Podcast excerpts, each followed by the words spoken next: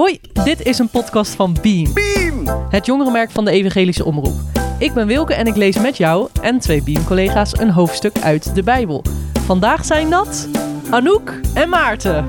Nee! Is er een moment waarop wij gaan juichen? Ja, het was het enthousiast genoeg? Ja, absoluut. We lezen vandaag uit eh Matthäus 6. Dit is een onderdeel van de bergreden, de bekendste preek van Jezus.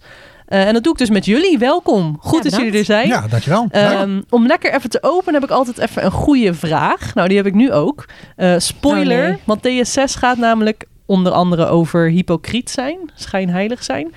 Ik zat na te denken, wat, wat, is, ja, maar wat is soort de definitie van hypocriet zijn? Ik zat er net even over na te denken, ik wist het niet zo goed.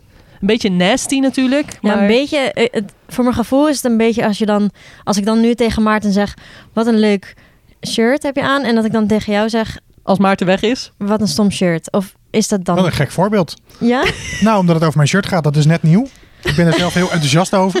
Ik, ik voel me daar nu ineens een beetje ja. onzeker over. Nou, en terecht. Nee, maar ik denk wel dat dat het is, toch? Ja. Het is toch eh, iets eh, zeggen of doen, terwijl je eh, op andere plekken iets de tegenovergestelde zou zeggen. Of is het, ja, of is het juist eh, schreeuwen dat je heel goed bent, maar ondertussen een heleboel slechte dingen doen?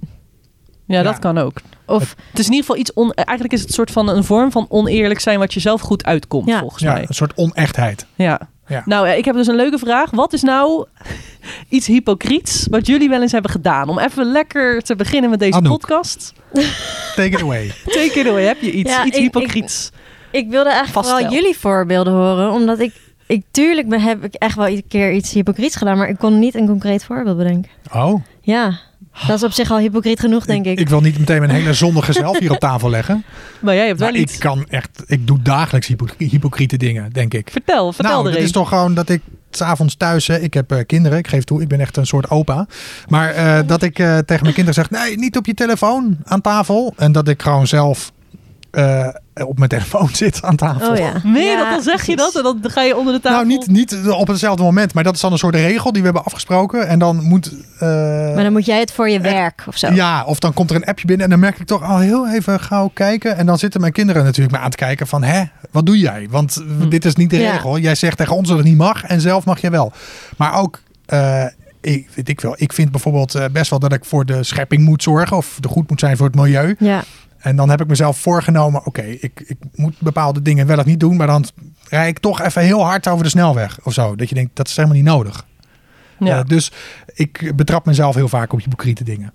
Ja, ik herken die dingen ook wel. Niet van die kinderen, want die heb ik niet. Maar inderdaad met het milieu ook wel. Ik moest ook denken aan, eh, best wel lang geleden, maar vroeger eh, thuis bij mijn ouders hebben we een voorraadkast. En dat is de kast waar natuurlijk alle voorraad is.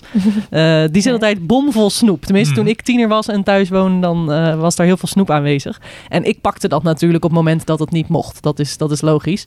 Maar ik was daar dan niet eerlijk over. M- eh, maar ik ging altijd met een schaar eh, naar de, de voorraadkast. Ja, mijn moeder weet Met het ook niet met een schaar. En dan knipte ik de snoepzakken open. En dan haalde ik ongeveer een vierde, soms de helft eruit. En dan deed ik het heel netjes met zo'n met zo'n doorzichtig plakbandje. Maakte ik het weer dicht. Welke? Jawel, jawel. En mijn moeder is dat dus nooit achtergekomen. Maar dat is natuurlijk, dat is al hypocriet, vind ik. Maar mijn broertje eh, pakte ook wel eens snoep uit de voorraadkast. Die was er veel eerlijker over. Die liet gewoon een beetje dom, maar oké. de snoepwikkels, zeg Ja. maar, op zijn kamer liggen. En dan was ik degene die je. tegen mijn moeder zei... Mam, Ah. Dit is erg. dan heb Heb ik je even daar- weer snoep gepakt. Heb je daar wel vergeving voor gevraagd? Ja, nee, maar dat zijn de hypocrieten. Eh, en ik doe dat nog steeds elke dag, dat soort dingen. Maar deze Elke dag loop jij nog met een schaar naar de voorraadkast. Ja, Nou, ik, zat, ik zit nu je te bedenkt denken... er nu toch een. Ja, ik, eh, ik vind het dan bijvoorbeeld wel eens heel zielig. eh, of ik wil dan niet zien hoe een dier gedood wordt of zo. Hm. Maar ik eet dan natuurlijk wel gewoon vlees. Dus dat vind ik ook best wel hypocriet. Nou ja, dat je het wel heel zielig oh vindt ja, nee, ik voor, wil- ik voor dat niet te konijnen, zien. koeien, Ja. varkens, kippen. Maar ondertussen wel gewoon bij de, bij de snackbar op de hoek een Ja. frikandel besteld. En ook gewoon niet, niet daarover nadenkt per se. Nee. Ja, dus wel zielig vinden, maar geen daden eigenlijk Nee, aan koppelen. Precies, Hm. ja. Nice. Nou ja, ik eh, vond het sowieso leuk om te horen natuurlijk. Eh, jullie Ja, hypocriete... deze podcast is nu al Dat geslaagd. is nu al Nou, geslaagd. Ik hoop dat mijn Inderdaad. kinderen deze Maar nooit ik luisteren. vroeg dit natuurlijk ook omdat eh, een gedeelte van de Bijbeltekst van vandaag erover gaat. Wat wij gaan lezen vandaag is Matthäus 6, vers 1 tot 8. Eh, dus als jij mee wil luisteren, zet de podcast heel even op pauze en pak je Bijbel-appje erbij of pak je fysieke Bijbel erbij. Ik ga lezen vanaf vers 1 tot en met vers 8. En ik lees uit de Bijbel in gewone taal. Daar gaan we. Jezus zei: Let op, je moet doen wat God van je vraagt. Maar je moet dat niet doen om op te vallen bij de mensen. Anders zul je geen beloning krijgen van je Vader in de hemel. Als je arme mensen geld geeft, laat het dan niet aan iedereen weten. Schijnheilige mensen doen dat wel. Zij vertellen aan iedereen in de synagoge en op straat hoe goed ze zijn. Want ze willen dat de mensen goede dingen over hen zeggen. Luister goed naar mijn woorden. Zij hebben hun beloning al gekregen. Houd het geheim als je geld geeft aan arme mensen. Je linkerhand mag zelfs niet merken dat je rechterhand iets geeft. Je vader ziet wat er in het geheim gebeurt en hij zal je belonen. Als je bidt, laat het dan niet aan iedereen zien. Schijnheilige mensen doen dat wel. Zij staan graag te bidden in de synagogen en op straat, want dan kan iedereen hen zien. Luister goed naar mijn woorden. Zij hebben hun beloning al gekregen. Als je gaat bidden, ga dan je huis in en doe de deur dicht. Dan kun je in het geheim tot je vader bidden. Je vader ziet wat er in het geheim gebeurt en hij zal je belonen. Als je bidt, moet je niet steeds maar door blijven praten. Dat doen de mensen die andere goden vereren. Ze denken: hoe meer ik praat, hoe beter mijn God luistert. Dat moeten jullie dus niet doen, want je vader weet al lang wat je nodig hebt. Dat weet hij al voordat je het gevraagd hebt. Ta -ta -ta -ta. Wat is jullie eerste? Dankjewel. Wat is jullie eerste reactie op deze Bijbeltekst? Ik, vond hem, ik vind hem in eerste instantie een beetje eh, boos of zo. Dat ik denk, oh, Door hoe ik hem voorlas of gewoon de tekst die er staat? nee, gewoon door hoe, de, ja, hoe het is opgeschreven. Hij, hij, gaat, hij doet een beetje lelijk over een bepaalde groep mensen. Ja, Het is, niet een, het is natuurlijk een bijbeltekst die laat zien... Kijk eens naar die mensen. In dit geval misschien wel de fariseërs of mensen die... De, de huigelaars. Kijk zo zij doen. nou, de- zo moet het allemaal niet. Ja, Hm. Dus ik snap wel dat je Ja. denkt... Het is een beetje negatief eh, in zekere zin. de een beetje intentie is natuurlijk goed. Alleen, ja, het komt wel over van... Zij zijn zo slecht bezig of zo. Nou, het is wel een beetje besje inderdaad Ja. van een bepaalde groep mensen. Ja. Hm. En wat vinden jullie van de inhoud verder? Los van de toon? Ik eh, vind eh, met name het laatste stukje. Ja, kijk, eh, ik, ik zei net al iets. hè, Ik heb natuurlijk kinderen. Ja. Dus dat maakt het. ik vind dat dit laatste zinnetje. hè, de, in de MBV, de, de nieuwe Bijbelvertaling staat. ehm, eh, jullie vader weet al wat jullie nodig hebben. Nog voordat je het gevraagd hebt. En ik heb lang gedacht. Oh, dat is eigenlijk een soort argument. om dan maar misschien ook niet meer te hoeven bidden. Ja, precies. Want oké, Ja. God weet toch al eh, wat ik ga vragen, dus waarom zou ik nog bidden? Daar kom ik deze nog wel eens in tegen. Ja. Maar nu ehm, merk ik dat je hem ook anders kunt lezen. Ik zie soms, of ik weet soms als mijn kinderen naar mij toe komen, dan zeggen ze papa.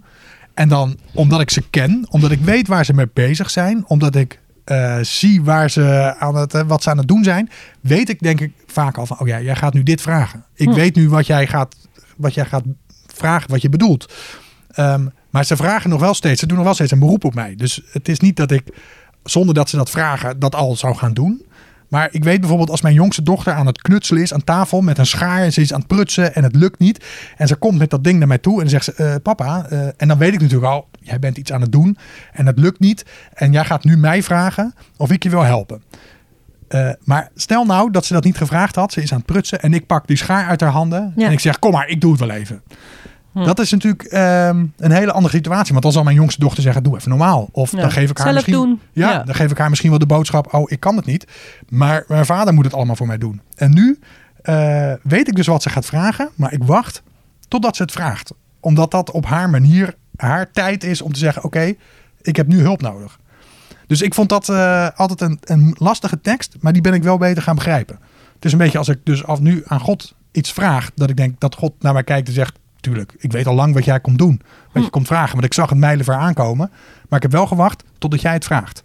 Dus als je hem zo leest, zoals jij hem nu uitlegt, dan is het dus wel nuttig om dingen te vragen en te bidden en te zeggen. Ja, sterker nog, het zou eh, volgens mij heel vervelend zijn als God allerlei dingen ongevraagd in mijn leven gaat oplossen. Hm.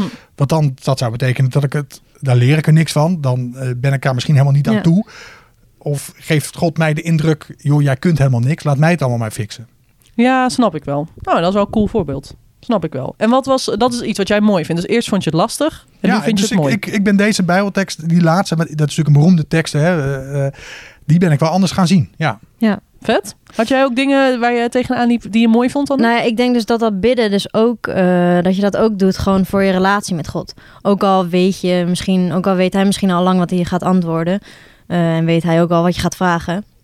Dan nog bouw je die relatie wel op, denk ik, door, eh, door te bidden. En dat staat hier eigenlijk ook wel een beetje in.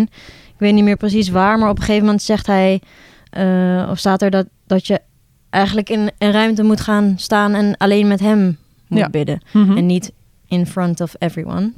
Eh, en dat, dat is wel, dat geeft maar weer aan hoe fijn hij het eigenlijk vindt als je gewoon één op één met hem even gaat praten. Hm. Dus dat is wel weer, bevestigt voor mij wel weer dat je het ook wel voor die relatie met God, eh, dat het ergens voor nodig is, zeg maar. ja. We- weet je eigenlijk nog, nou laat ik het zo zeggen, bid jij makkelijk in een grote groep Nee, met andere mensen om je Nee, heen? Zeker jij? niet. Eh, ja, ik vind het wel makkelijker, maar ik merk wel dat ik anders bid dan als ik in mijn eentje bid. Oh ja. Dus het Wat, is wat het is is daar, bijna- wat is het Ja, ik hoop niet dat het een trucje is, want als ik in een grote groep mensen ben, want ik, ik probeer altijd wel oprecht te zijn. Maar ja, ik let wel meer op de woorden die ik gebruik. En wat, eh, oh, ik moet die persoon en die persoon nog noemen, want die is ziek. En anders denkt iedereen dat ik vergeten ben dat die ziek is, of weet ik veel. Ja. Dus ik ben wel meer bezig met de verwachtingen van anderen. En dat ik denk, nou, nu ga ik even lekker mijn hele hart bij de Heer uitstorten. ja. Maar ja, ik weet niet of dat erg is. Nee, nou, omdat, maar in deze tekst gaat het natuurlijk van, hè, dat wat jij, eh, wat Anouk ook zei, namelijk eh, eh, dat hier een soort oproep is van, nou, bid nou maar gewoon in je eigen huis binnen.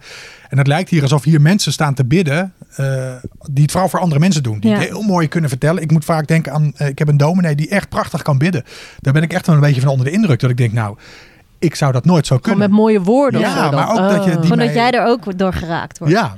Eh, en ik weet nog de allereerste keer dat ik als toen ik nog een stuk jonger was, voor de eerste keer hardop moest bidden in een groepje tieners bij ons in de kerk. En dan gingen we zo'n kringgebed doen. En dan kwam steeds kwam het dichterbij, want er was degene voor me en de voor me. En op een gegeven moment moest ik. En ik dacht echt, oh, nu moet ik ook hardop bidden in deze groep. En ik kan dat helemaal niet. Hm.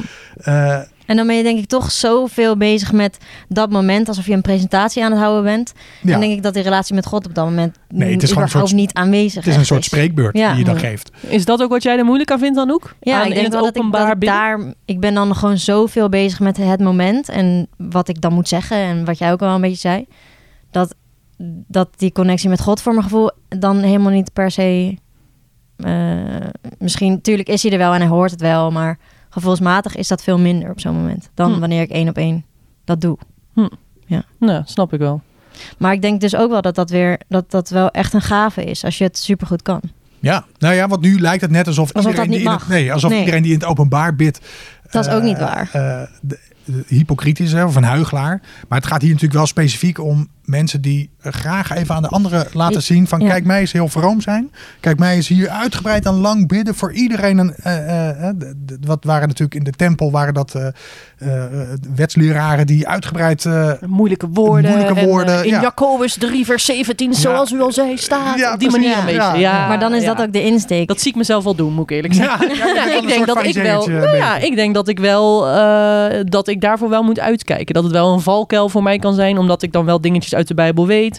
En dan vind ik het ook wel leuk om dat de meesten te laten merken. En tuurlijk is dat aan de ene kant dat ik denk: dit is goed en ik wil God aanbidden en ik wil mijn kennis op een goede manier gebruiken en zo. Maar, er sluipt ook altijd wel een beetje risico van. eh, Maar, ja, maar- dat ik- maar heb dat je dat het- idee dan ook van, oh, nu weten mensen hoe goed ik dingen weet? Nou ja, onbewust zit dat er soms wel in, denk Oh ik. Ja. ja. En daar baal ik dan wel van. En helemaal als ik zo'n tekst lees, dan denk ik, kak, dat is helemaal Ja. niet de bedoeling. Maar is dat wat we hadden het net over helemaal in het begin over wat hypocriet is? Is Ja. dat dan ook hypocriet? Dat je dan staat te bidden of eh, en dat je eigenlijk weet, hmm, het is misschien ook wel een klein beetje. eh, Ja, ik denk het wel. Maar wat ik altijd doe, als ik soort van merk dat dat er, er is, of dat ik daar bang voor ben dat dat er is, dan, want ja, ik, er moet toch iemand bidden. Ik kan wel dan niet meer bidden, maar ja, dat is ook niet de oplossing. Dus dan probeer ik altijd in mijn hoofd soort van tegen God zeggen van God, ik moet heel eerlijk zeggen dat ik niet helemaal weet hoe ik dit bedoel en wat mijn Ja. intenties zijn. Want zo goed ken ik mezelf niet, maar u wel. En ik wil gewoon nu uitspreken dat ik het voor u doe. En sorry als ik het ook voor mezelf doe. Help, help me alsjeblieft dat dat in de toekomst minder wordt. Maar dit is het beste wat ik nu kan doen. Of Ja. zo. Dus dat is wel dus, mooi. dus, dus ja, dan als je zo dan wel soort dan in. kan je al niet meer misgaan, toch? Ja, en dat Van doe ik niet in het openbaar met andere mensen erbij, maar dat Nee, doe ik dan dat in mijn hoofd ik. naar Ja. God toe. Ja. Ja. Maar eh, dat risico is er denk ik wel altijd. Maar Ja. tegelijkertijd is dat ook wat ik heel mooi vind aan deze tekst. Want er staat natuurlijk ook heel duidelijk dat God ziet wat in het verborgene is. En dat vind ik ook heel mooi, want er zijn natuurlijk zoveel mensen. Kijk, wij zitten hier bij Beam. De hele tijd dingen over God te zeggen en wij krijgen veel aandacht. En we mogen heel vaak onze persoonlijke verhalen vertellen. Maar er zijn natuurlijk ook mensen die nooit die aandacht krijgen en wel hele mooie dingen doen. En wel met God bezig zijn. En weet ik veel, een oud omaatje verzorgen waar niemand iets van weet. Ja. En dat ziet God wel. En dat wordt wel beloond of zo op de een of andere manier, later of nu. En dat vind ik een heel mooi ding aan deze tekst. Want Ja, het is ook zeker. negatief, dus soort van ja, stop nou met aandacht vragen en God ziet het toch. Maar dat is eigenlijk ook positief. Dus mensen die die aandacht nu niet krijgen, die eh, zijn wel gewoon goed niks. bezig. Nee. Ja. Nee. Dus dat vind ik wel heel mooi aan deze tekst. Maar ja, dat is tegelijkertijd ook het lastige. Ja. Want ik vroeg me ook af, wat wij bij Beam doen, dat zit soms ook een beetje wel in die categorie toch? Dat eh, als ik iets nieuws over God ontdek, dan zit het er dik in dat het over twee weken op internet staat. En Ja. dat ik een column schrijf om mensen te inspireren. Maar tegelijkertijd Maar doe ik dan, dan ook nog- heel weinig in het geheim. Zeg Maar maar. maakt het nog uit met welke intentie je het doet? Ja, dat is het, Met ja. welke bedoeling? Die Ja, maar hoe hebt? weet je nou echt wat je intentie is? Ja, maar jij, nou echt jezelf als jij nu een kennen? column schrijft over iets wat jij hebt meegemaakt met God, dan ik weet dat niet, maar ik ga er dan vanuit dat jij dat doet om beamers en mensen die het lezen daarmee eh, te helpen en te inspireren. En niet omdat jij jezelf zo vet vindt en dat je dat zo graag wil delen, omdat je. Om, ja, nee, dat denk ik niet. Ja, dus maar het is niet. heel moeilijk om die eerste categorie, die goede categorie, om dat 100% te hebben. En dat je jezelf gewoon ook denkt van, nou, dat is best wel een goed verhaal eigenlijk. Nou, mensen kunnen Ja, wel als je complimentjes krijgt of zo, dan denk Ja. je misschien wel ja. Ja, dus er zit altijd ook een paar procent in van, Ja. van dat toch beetje je ego gewoon. Dat je je ego wil opsteken. Maar ja, ik vraag me af of dat dan heel erg is. Want het is ook gewoon jouw talent wat je op dat moment laat zien. Eh, jij kunt sch- schrijven, jij kunt het verwoorden. Eh, dus je maakt ook gebruik van iets wat je kunt. En het is logisch dat dat een prettig gevoel geeft. Want als, je, als jij doet wat je goed kunt. Als jij goed kunt zingen en je gaat zingen in de kerk. Eh, dan zing je liedjes voor God. Dan zing je liedjes om de gemeente te laten meezingen. En je zingt omdat je goed kunt zingen. Omdat je daarvan geniet. Omdat je dat talent hebt. Omdat je daardoor iets doet wat helemaal bij je past. Dus dat voelt goed.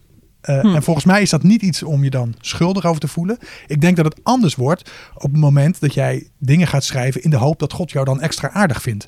Of dat Ja. je denkt, hey, ik, ik ga heel erg mijn best doen in de kerk. Of ik ga eh, elke, in de, elke grote pauze bidden voor mijn eten. Waar zodat iedereen bij het staat. ziet. En dan zal God wel van mij denken, wauw, Ja, wat ben jij, wat ben jij denken, een ja. goede christen. Wat, wat, wat kom jij voor mij op? Ik denk dat je dan veel Hm. meer in het hoekje zit van de huigelaar. Eh, die dus dingen doet in de hoop dat hij dan in een goed blaadje komt bij God. Of eh, dat andere mensen daar iets van vinden. Hm. Maar Dus- ja, en dat is dus het grappige is dat hij daar dan altijd doorheen prikt of zo. Dus ik, heb, eh, ik had het hier toevallig laatst met iemand over. En toen zeiden we, ja, want je hebt ook wel aan het begin van een gebed... dat je dan denkt, oh, ik moet wel ook nog even zeggen... wees met de zieke, weet je wel? Want anders dan telt al dat andere niet. Maar dat, dat is super dom als je dat denkt. Of super dom. Maar daar prikt hij natuurlijk meteen doorheen. Want, want jij denkt al, ik moet nog even voor de zieke bidden... want dan, dan kan ik daarna voor mezelf gaan bidden, weet je wel? Nou ja, eerst even aan de andere denken voor de vorm. En dan kan ik al mijn eigen Want dat moet, dat hoort. Dat moet Ja. ook in een gebed verweven zitten. Hm. Maar dat, ja. Ja. Maar Ja, tegelijkertijd, jij zei dat al even in het begin, dat dit stukje komt natuurlijk uit de bergreden. En die hele bergreden is natuurlijk één grote aanklacht. Ik bedoel, als je die bergreden leest. Dat is ook heel leest- mooi hoor. Niet alleen aan. Nee, maar ik bedoel meer als je die ik zit hier bergreden met leest. grote ja, ogen. Wat zeg je nou over mijn uit de Bijbel? zitten. Maar als je die bergreden leest, dan kun je niet anders dan concluderen dat je hypocriet bent. Want die bergreden Hm. gaat de hele tijd, die zegt: oké, de regel is je mag iemand niet doden. Maar het is eigenlijk al net zo erg als je soms in je gedachten denkt: oh, wat ben jij toch een zak. Dan heb je eigenlijk iemand al gedood. Ja, dus eigenlijk is dit, dit past in dat gedeelte Mm, mm. waarin je niet anders kan dan concluderen: wauw, ik ben eigenlijk super hypocriet. Want die tien geboden en alle regels die God geeft, daarvan denk ik de hele tijd: ja, dat is super belangrijk, dat wil ik. Maar ondertussen merk ik aan alle kanten dat ik me daar niet aan kan houden. Dus wat ik wil, wat ik beleid soms, hè, wat, ik, wat ik zeg van, oh ja, dat is belangrijk. Daarvan merk ik eigenlijk de hele tijd, en dat zegt Jezus ook in deze bergreden, je kunt het niet. Dus je bent hypocriet. Hm. En dat is eigenlijk een goed teken. Ja, maar dan moeten we wel het vervolg van het verhaal natuurlijk ook hebben. Want Ja. we zijn hypocriet Ja. en we gaan het in ons Einde. eentje niet redden. Einde. Einde. We zijn aan het Ja. einde gekomen van deze podcast. Je bent Ja. hypocriet. Maar dan komt natuurlijk het, het aardig welbekende verhaal dat, dat Jezus dat toch op de een of andere wonderbaarlijke manier allemaal accepteert en zegt ik Ja. blijf van je houden en ik sterf zelfs daarvoor, zodat jij bij God kan komen. Maar vinden jullie dat dan niet soort... Ja, oké, dat is dan dat maakt het beter. Maar het gegeven, je bent hypocriet en je kan er niet eens iets aan doen... is best wel eh, deprimerend of zo. Ja? Ja, het gaat Niet? twee kanten op, denk ik. Toch? Want jij, jij zegt nu een beetje deprimerend, maar aan de andere kant is het ook voor mij dat ik denk, oh, pff, dan, dan hoef ik het dus. Ik kan het niet eens perfect doen, dus dan Ja, hoef ik het ook niet. Dan ja, ga ik gewoon mijn best ja. doen Ja, en dan is het vast wel goed genoeg. Het is goed genoeg. Eh, Dankjewel, maar. Nee, maar kijk, want Nee, ja, het dat stukje waar wij lees je. gestopt zijn, Ja. daar, gaat, daar gaat het, begint het ons vader. Hè? ja. ja, Dus wij gebed. eindigen met, eh, eh, we vragen aan God, want die, die weet wat je nodig hebt, eh, nog voordat je het hem vraagt. En dan in vers 9 zegt hij, bid daarom als volgt. En dan komt het onze vader. En dat hele onze vader gaat natuurlijk uiteindelijk, dat volgt niet voor niets in die bergreden, dat gaat over, wij kunnen het niet. Wij hebben eh, hulp nodig. Wij zijn eigenlijk hypocriete mensen. Ja. Dus eh, je kunt jezelf heel veel zorgen maken dat je hypocriet bent. En ik zou ook zeker het denken van als je dingen doet in de hoop dat God je dan goed genoeg vindt. Daarvan zegt het hele hoofdstuk. Daar gaat het niet om. Want het gaat niet om dat jij allemaal regeltjes doet zodat God je goed genoeg vindt. God concludeert samen met jou. Ja, je kunt het niet. En we gaan het wel samen doen. Maar daar heb je God wel bij nodig. Ja. Dus True. ik word eigenlijk altijd heel enthousiast van mezelf als hypocriet christen neer te zetten. Omdat dat uiteindelijk bewijst dat ik eh, Jezus nodig heb. Ja, dus uiteindelijk wijst dat naar Jezus. Want is dat ook hoe jij dit toepast? Want ik wil, ik wil naar, even naar die vraag van, want dit hebben we nu gelezen, we hebben het er een beetje over gehad. Er kan nog veel meer over gezegd worden, maar wat kan je hier nou mee? Als je hier zo meteen deze podcaststudio uitloopt, heb je dan nieuwe ideeën of denk je dan anders over dingen? Want jij zegt nu, ik laat mezelf graag zien als hypocriete christen. Nou, eh, Nou ja. dat doe je fantastisch. Nou, ja, dat gaat me goed af, toch? Of niet? Kijk, dat stuk. nee, maar ik bedoel meer. ehm, ik kom veel mensen tegen die, die eh, best wel een hoge lat voor zichzelf hebben. Over waar ze allemaal aan zouden moeten voldoen. Voordat ze zeggen: nu ben ik goed genoeg. genoeg, of nu doe ik goed genoeg Ja, mijn best. of nu laat ik me dopen of nu doe ik beleidenis. Ja. Daar zijn soms ook van die eh, hoge latten inderdaad. ja, Ja, Of, of nu ga ik wel, als iemand vloekt, daar meteen iets van zeggen. Eh, of, dus het lijkt wel of we steeds nieuwe regeltjes voor onszelf bedenken. waaraan we moeten voldoen om te bewijzen dat we echt geloven. En Ja, volgens terwijl mij. er nul regels zijn eigenlijk. Nou ja, die er zijn natuurlijk wel allerlei regels. Sterker nog, maar die regels zijn zo hoog. Die lat ligt zo hoog. Daar komen wij nooit bij in de buurt. En dat kan je eh, of heel erg verlammen. Dat je denkt, nou, zie je, het wordt helemaal niks met mij. laat maar. Laat maar. Maar het goede is dat eh, ja, Jezus die tilt je over die lat heen. Of sterker nog, die haalt die lat weg. Is het dan gewoon een kwestie van wel je best doen om dat te behalen? Want je moet er ook niet in gaan settelen, toch? Van, oh, nou ja, ik, eh, eh, ik kan het toch niet halen, dus laat maar. Ja, dus dan ga ik ook ja. niet meer ermee mee bezig. Oh ja, Ik dat ga ook denkt- niet kan liefdevol zijn. Ik ga me bezuipen. Ik ga domme dingen Want doen. ik ben toch wel goed genoeg. Ik, ik, ik kom toch in de hemel. Ja. Jesus en dat kan ik toch niet bereiken. Dus Ja. Ja, ik kan me dus voorstellen dat dat weer een soort keerzijde... Ja, daar moet je dus niet in doorslaan. ja, en tegelijkertijd, dat, dat, dat argument hoor ik wel vaker. Ook uit mijn eigen mond komen. Maar dan denk ik altijd, maar als je van God houdt... en als je weet hoeveel God van jou houdt...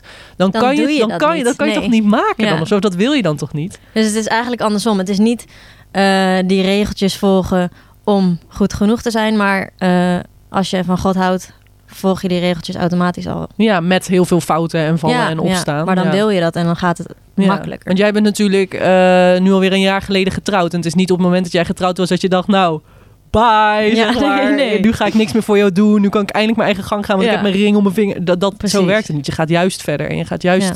proberen dichter bij elkaar. Denk ik, hè? Ik, ik vul dit helemaal Nee, in. ik niet, maar sommige mensen... Nee, nee, nee, jij doet ook waar. je best. ja. Je blijft wel je best Ja. doen. Omdat het gewoon mooi is om samen dat te, te maken of Ja. zo. Hm. En hoe pas jij het dan toe, dit stuk?